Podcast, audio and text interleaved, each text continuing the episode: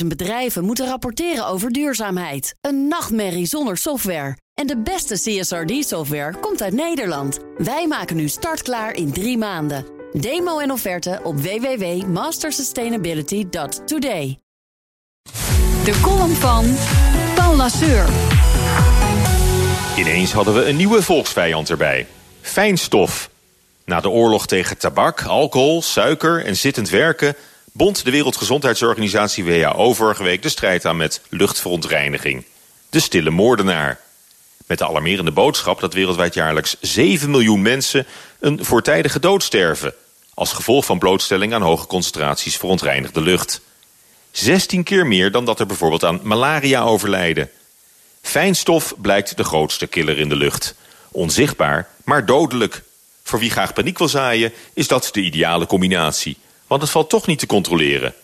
Maar volgens de WHO levert fijnstof in de vorm van roetdeeltjes... en andere piepkleine moleculen een fikse bijdrage aan het risico op ernstige longaandoeningen... zoals kanker en longontsteking.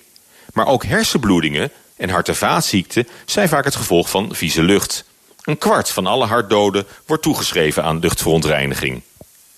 Niet voor niets komen er steeds meer milieuregels bij... die naast de uitstoot van broeikasgassen... de emissie van fijnstof proberen terug te dringen. Je wilt tenslotte ook iemand de schuld kunnen geven... van die miljoenen fijnstofdoden.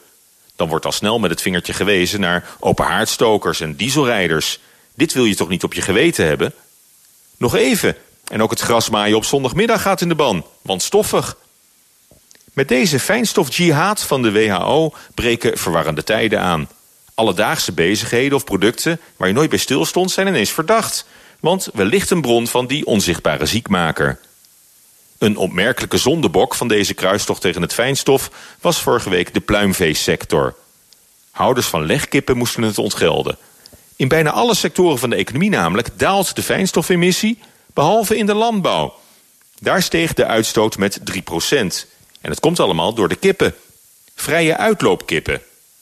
Met hun vrolijke gescharrel komen microscopisch kleine stof- en mestdeeltjes in de lucht. Maar je gaat me toch niet vertellen dat we nu terug moeten naar de legbatterij?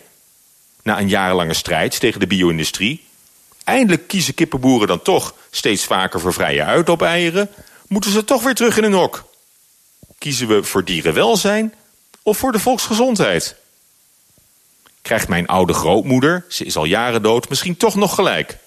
Zij moest nooit wat hebben van dat moderne gedoe met scharreleieren.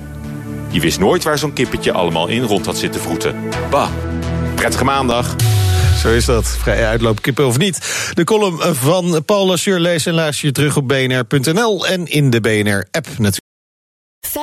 50.000 bedrijven moeten rapporteren over duurzaamheid. Een nachtmerrie zonder software. En de beste CSRD-software komt uit Nederland. Wij maken nu startklaar in drie maanden. Demo en offerte op www.mastersustainability.today.